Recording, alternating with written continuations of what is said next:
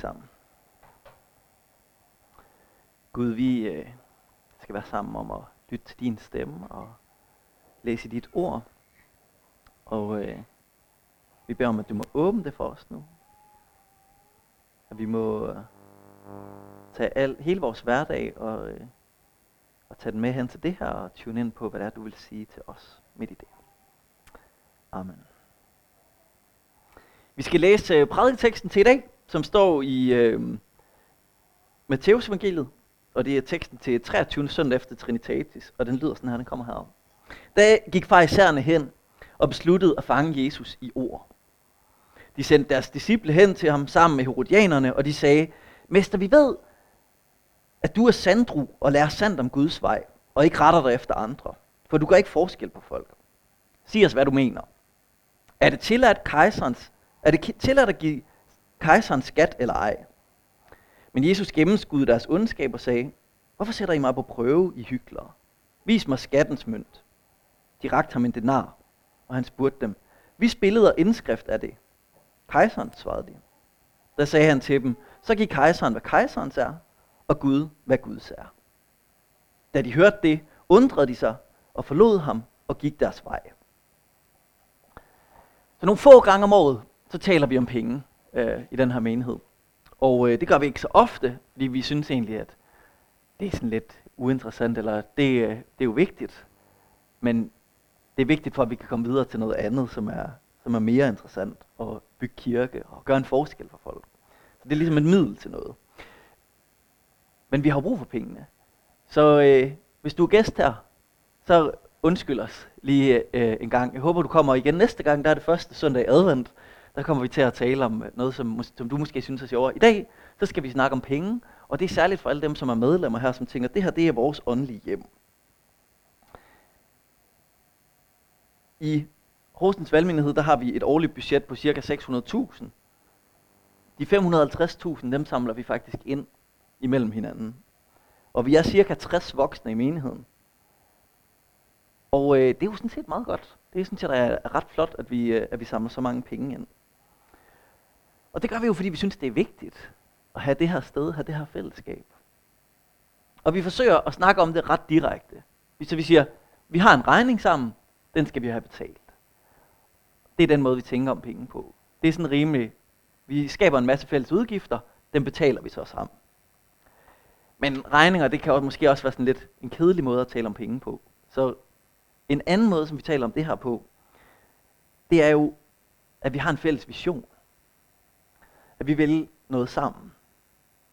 Vores vision i den her menighed, det er mit hus og dit hus. Vi siger til Gud, mit hus og dit hus. Vi vil, at Gud han skal flytte ind i vores verden.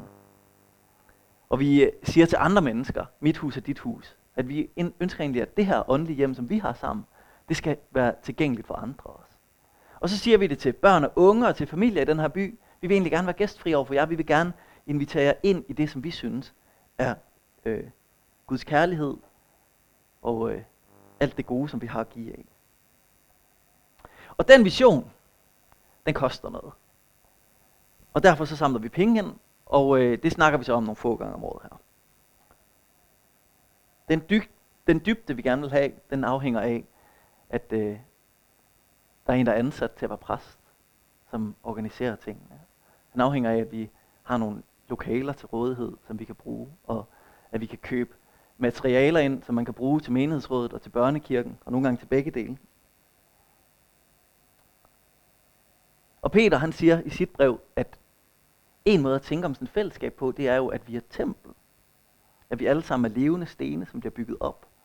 Så til sammen, så bidrager vi alle sammen noget, og til sammen så bliver vi Guds hus.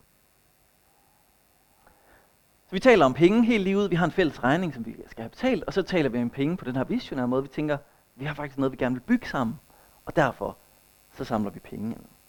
Og så har vi den her prædiketekst i dag, som måske giver os et andet perspektiv, som vi også kan tage med. Historien det er jo, at farisæerne, de var blevet sure på Jesus. Jesus han gik rundt og undervist, og han mellem linjerne og nogle gange nærmest direkte sagde han, det er mig, der er Gud. Og farisæerne de tænkte, det kan simpelthen ikke være rigtigt, det kan vi ikke finde os i. Han underminerer jo fuldstændig vores religiøse system på den måde. Hvad er det, han bilder sig ind? så, så besluttede de sig for, at så må vi jo se, om vi kan fange ham. Og, vi kan, og den måde, de ville fange ham på, det var som en lærer i loven. Så der gik alle mulige undervisere rundt, og så kunne man stille dem spørgsmål. Og Jesus var en af de her undervisere, så tænkte hvis vi nu stiller ham et virkelig svært spørgsmål, så kan han ikke svare på det, og så kan vi vise alle folk, sådan en tåbe, han har da ikke været at lytte til, han er i hvert fald slet ikke Gud. Tænkte de, et af de svære spørgsmål, som vi har svært ved at svare på lige for tiden, det er det her med skat. Er det tilladt at betale skat til kejseren? Og det er en fælde. For hvis Jesus han siger ja, så lægger han sig ud med folket.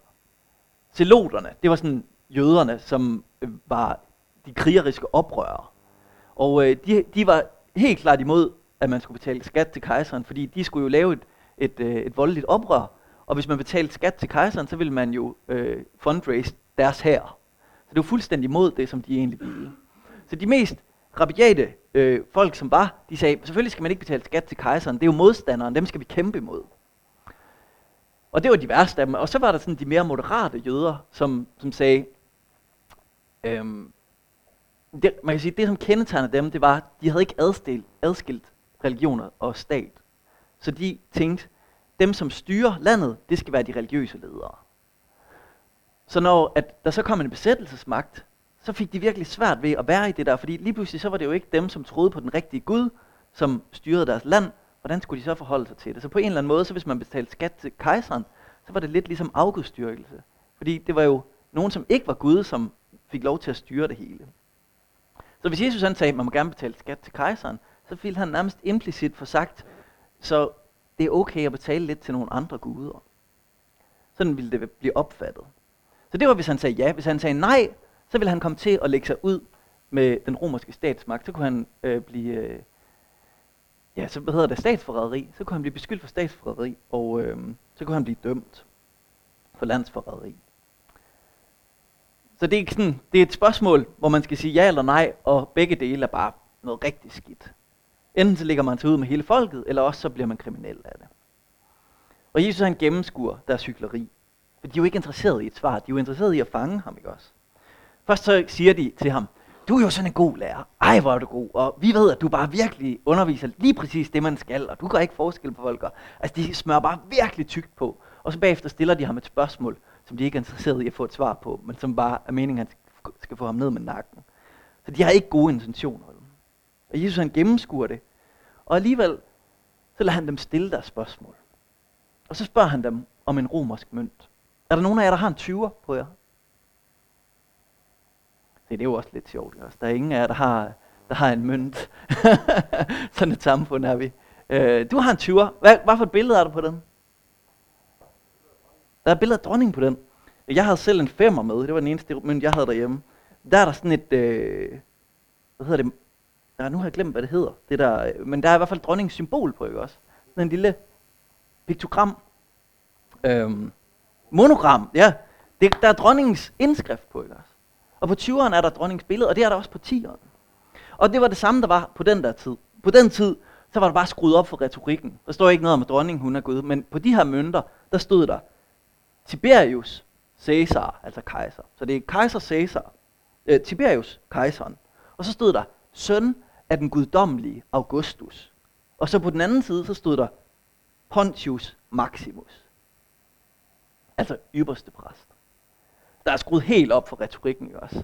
Det er kejseren, som er søn af Gud, søn af den guddommelige Augustus, som også er ypperste præst. Det er klart, når jøderne de står med den der mønt, så ved de godt, Tiberius han er altså ikke ypperste præst. Og han er slet ikke i familie med Gud. Det er fuldstændig langt ude, at han skulle bilde sig selv det ind. Så der spørgsmål er jo egentlig godt nok. Fordi de har jo samvittigheden i klemme. Kan vi være en del af det her? Kan vi være en del af at betale med penge, hvor der står egentlig, at det er Gud, som er på de her penge? Og vi lever jo i et land, hvor dronningen hun godt nok får sit billede på, på pengene, men hun siger ikke, hun er Gud. Vel, hun er faktisk kristen. Hun er egentlig øh, en meget god dronning, hvis man ser det ud fra et kristen perspektiv. Hun laver kristen kunst og alle mulige ting. Også. Men måske skal vi ikke spænde buen ret meget, for vi godt kan se, at vi er jo også en del af et system, som på mange måder er i modstrid med vores religion. Hvad for eksempel med statens syn på ægteskab? Eller statens syn på øh, de fattige? eller statens syn på alle mulige forskellige ting. Lige pludselig så kan vi godt tænke, ah, kan jeg godt være en del af det system? Kan, kan jeg godt betale skat til det her sted? Nogle gange kan man godt få det indtryk i hvert fald, at staten er mere interesseret i en eller anden frigørende liberalistisk agenda, frem for at bevare den kristne kulturarv. Det indtryk kan jeg i hvert fald godt få. Så kan jeg jo sidde og tænke, jeg er egentlig ret interesseret i, at Danmark bliver ved med at have mange forskellige øh, aspekter af kristendom ind over sig. Skal jeg så betale skat til det her sted? Så spørgsmålet er måske ikke så langt væk, som vi kunne sige, skal vi betale skat eller ej? Og så siger Jesus den her meget kendte sætning. Han siger, giv kejseren, hvad kejserens er, og Gud, hvad Guds er. Han går ikke ind på deres præmis. Det er det forkerte spørgsmål, de stiller. Og det er jo i en prædiken i sig selv. Også. Den kommer vi ikke lige til at holde i dag. Men det er jo vildt interessant, at Jesus han siger, den der præmis, den er ikke i orden. Hvad er spørgsmålet bag ved spørgsmålet her? Det er det, som C.S. Lewis han siger. Djævlen kommer til os og angriber os ved at give os to forskellige modsætninger. Han siger sådan her. Det er djævlen, som angriber os. Han sender os altid fejl ind i verden i par. Par af modsætninger. Og så opmuntrer han os til at bruge en masse tid på at overveje, hvad der er værst. Kan du se hvorfor? Er det ikke åbenlyst? Han bruger vores ekstra mishag ved den ene til at få, få os til at trække gradvist over i den anden. Men lad dig ikke narre. Vi må holde blikket lige på målet og gå lige mellem begge fejltagelser. Det er jo det, Jesus han gør. Han siger, der er to fejl her, som vi skal gå imellem. Det er simpelthen ikke øh, et spørgsmål om enten eller. Og øh, det, er det, som Jesus, det er det, som Luther han kalder for to læring. Også. Det er, Jesus han siger, at der er faktisk det værtslige regimente og det åndelige regimente her. Det, det er ikke et spørgsmål om, man skal betale skat til kejseren eller ej. Så Jesus han siger, at du kan godt være en del af samfundet og ære Gud samtidig. Og når Peter han udlægger det, så lyder det sådan her i Peters brev. Det, det fandt jeg, det synes jeg egentlig, det rammer det også meget godt. Hvad er det, det her det egentlig handler om? Han siger, for Herrens skyld skal I underlægge jer under enhver menneskelig ordning. Hvad enten det er kongen som magthaver, eller stattholder, som, sender, som er sendt af ham, for at straffe forbrydere og rose dem, der gør det gode.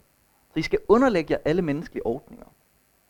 For det er Guds vilje, at I ved at gøre det gode, skal stoppe munden på tåbelige og uforstandige mennesker. I er jo frie, ikke til at bruge friheden til at dække for ondskab, men som Guds trælle. Ær alle, elsk brødrene, frygt Gud og ær kongen.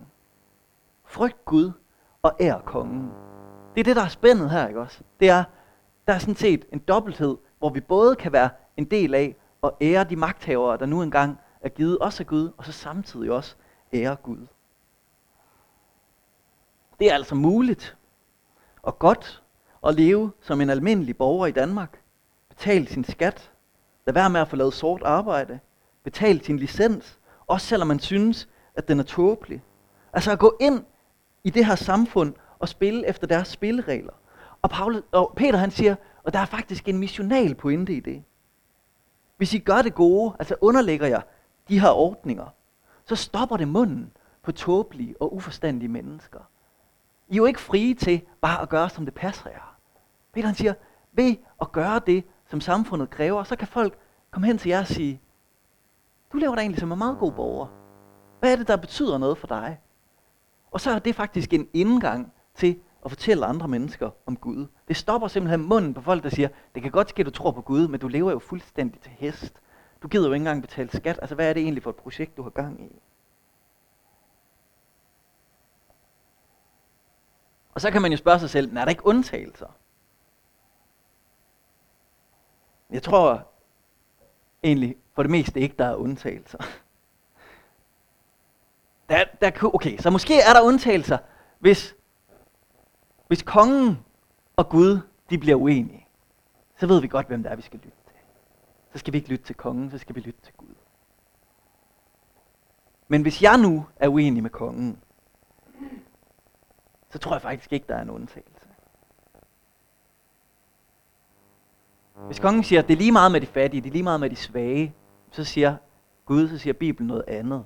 Men hvis jeg siger, det der dagpengesystem, det giver overhovedet ikke mening, jeg laver mine egne regler, så er der faktisk ikke en undtagelse til, at jeg kan få lov til bare at gøre, som jeg vil. Jesus han siger, giv kejseren, hvad kejserens er, og Gud, hvad Guds er. Altså vær en del af samfundet. Det er det med kejseren. Og det andet er, giv Gud, hvad Guds er. Og den sætning, den giver jo kun mening, hvis vi faktisk tror på Gud. Så hvad er det, der er på spil i den sætning? Giv Gud, hvad Guds er. Jamen det handler jo om vores penge. Det handler om, at som disciple, så er den måde, vi bruger vores penge på, en del af vores tilbedelse. Penge er en del af vores tilbedelse. Man siger jo nogle gange, follow the money. Show me the money. Så du kan jo se på dit regnskab derhjemme, så kan du sige, hvad siger det egentlig om, hvad der er vigtigst for mig? Hvis jeg går hjem og kigger på mit budget, hvad er det så egentlig, der er vigtigt for mig? Giver du noget til de fattige? Giver du noget til Guds menighed? Det kan være her eller et andet sted. Er du en god forvalter?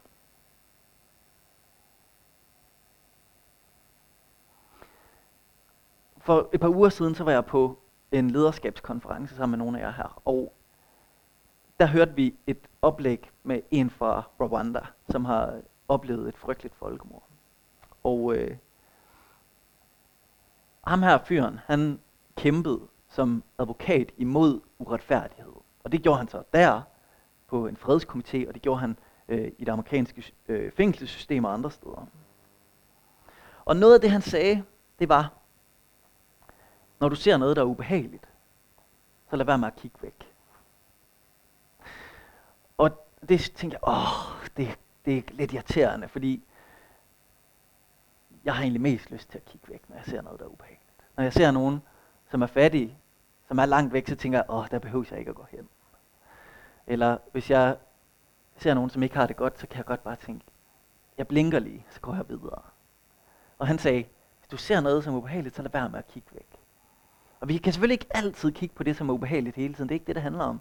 Men når vi for eksempel kigger på vores økonomi, så kan vi godt få sådan en tendens til at sige, åh, oh, jeg ved godt, det her det afspejler måske ikke i virkeligheden, sådan som jeg gerne vil leve. Og så kigger vi væk, så tænker vi, det, det ordner vi lige på et andet tidspunkt. Men hans opmuntring gør egentlig at sige, nej, hvis du kan se, at det ikke er, som det skal være, så prøv at gå ind i det. Og Bitten og mig, vi snakker om at renovere et hus lige. Og, øh, og så var den her tale i baggrunden.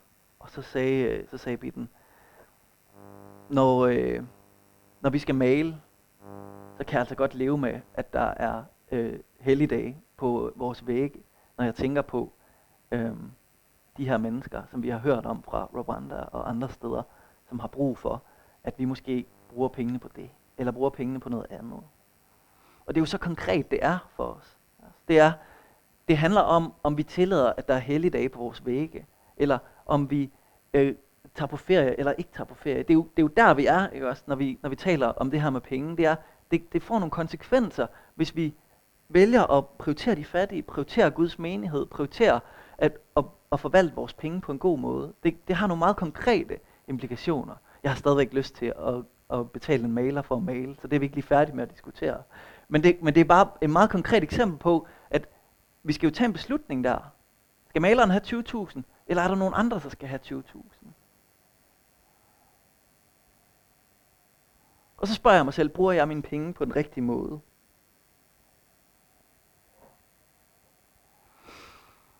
Og når vi så taler om penge som, som tilbedelse, ikke også, så kan vi godt komme til at sige, de penge, jeg bruger på tilbedelse, det er så dem, jeg, jeg giver til de fattige, eller dem, jeg giver til kirken. Men det er faktisk ikke det, det handler om. Alle pengene kan vi bruge til at tilbe med. Dem, som vi bruger på husleje, dem, som vi bruger på madpakker, dem, som vi bruger på bil, dem, som vi bruger på gaver til andre, dem, som vi bruger på rejser. Pointen er jo, at Gud han ser det hele. Giv Gud, hvad Gud ser. Med det hele. Nogle gange så er det, der ærer Gud mest, den ferie, som du køber til din familie, og elsker at være på den. Og nogle gange så er det, der ærer Gud mest, den ferie, som du ikke tager på, for at give pengene til noget andet. Alle pengene, de må ære Gud. Det er det, der er målet. Både dem, som du beholder til dig selv, og dem, som du giver til andre. Og når vi taler om penge på den her måde, penge som tilbedelse, så er det tæt forbundet med lydighed. Vi adlyder Gud, ikke for at Gud han skal elske os, men fordi at Gud han allerede elsker os. Fordi at vi ved, at Gud han er en gavmild Gud, der giver os det, vi har brug for. Som ikke lader en spur falde til, til jorden uden, at han ser det. Som redder os fuldstændig til at have en ny identitet, en ny virkelighed, som vi lever i. Og fordi vi lever der, fuldstændig omsluttet af Guds kærlighed, fuldstændig reddet af Jesus på korset, fordi vi lever der, så kan vi vandre ind i lydighed på en ny måde. Så kan vi sige, jeg ved, at Gud han elsker mig. Så det, som Gud tænker er godt, det kan jeg også være med til at gøre. Og det svære ved det, det er, at Gud han siger ikke altid, hvorfor. Han siger tit bare, at vi skal gøre noget. Så han siger, giv penge til de fattige. Ikke altid, hvorfor er det lige de fattige, der skal have pengene. Og han siger, vær en del af det her samfund, lad være med at få lavet sort arbejde, lad være med at, at snyde i skat. Og han siger ikke altid, hvorfor. Han siger bare, det er godt for dig. Han siger gå, han siger ikke nødvendigvis, hvorfor du skal gå. Så når vi tilbeder Gud med vores penge, så er der en del af det her, som handler om, at Gud han siger, gør sådan her med dine penge. Uanset om du forstår det, eller om du ikke forstår det, fordi det handler faktisk dybest set om lydighed.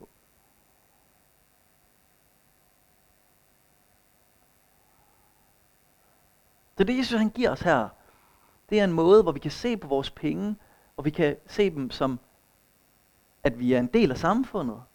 Vi kan faktisk godt være en del af det her samfund, og så samtidig ære Gud med det, som vi har fået. Og en anden måde at sige det her på, det er jo, pengene er Guds, og pengene er til lovens. Det, som vi har, det har vi, fordi vi har fået det af Gud.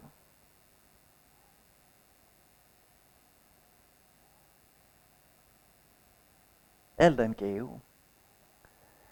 Og det er et spørgsmål om, hvordan vi forvalter den gave, som vi har fået. Og hvis vi skal gå tilbage til, hvordan er det så, vi tænker om penge i vores menighed, så er det jo, vi tror faktisk på, at Gud han vil bygge en menighed på jorden. At Gud han vil se mange flere mennesker komme til tro.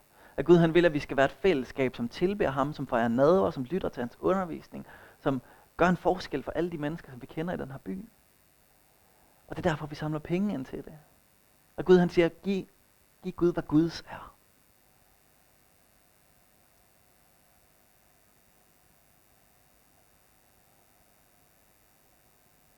Så nu skal vi øh, bede sammen, og øh, jeg vil øh, ikke bede om at tage jeres øh, punkt frem, men det vil jeg gøre. Så prøv at rejse op en gang. Og øh, det er bare for at vise, det kan man jo gøre derhjemme, øh, hvis man vil. Så kan man jo tage sine penge frem og sige, Gud, de her penge, det er dine penge. Og jeg vil gerne ære dig med dem. Og det kan nogle gange være meget godt at bruge sådan et konkret tegn at sige, jeg vil gerne ære dig med de penge, som jeg har. Så øh, lad, os, øh, lad os bede sammen. Gud, vi siger bare tak for alt det, som du har givet os. Også tak for de penge, som vi har fået. Og Gud, vi beder om, at vi må få lov til at leve, ligesom du underviser om. At vi må give kejseren, hvad kejserens er, og Guds, hvad Guds er.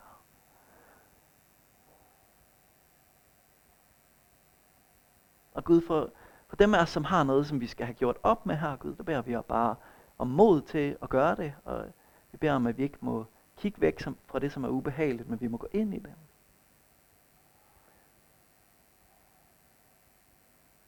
Og Gud, for dem af os, som har opdaget, hvor gavmild du er og lever ud af det, Gud, så beder vi bare om, at du må, du må lade os opleve øh, din glæde i det.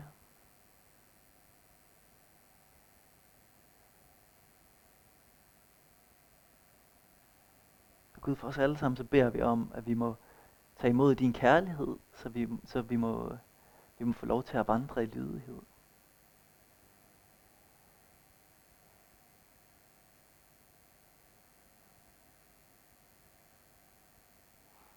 Amen.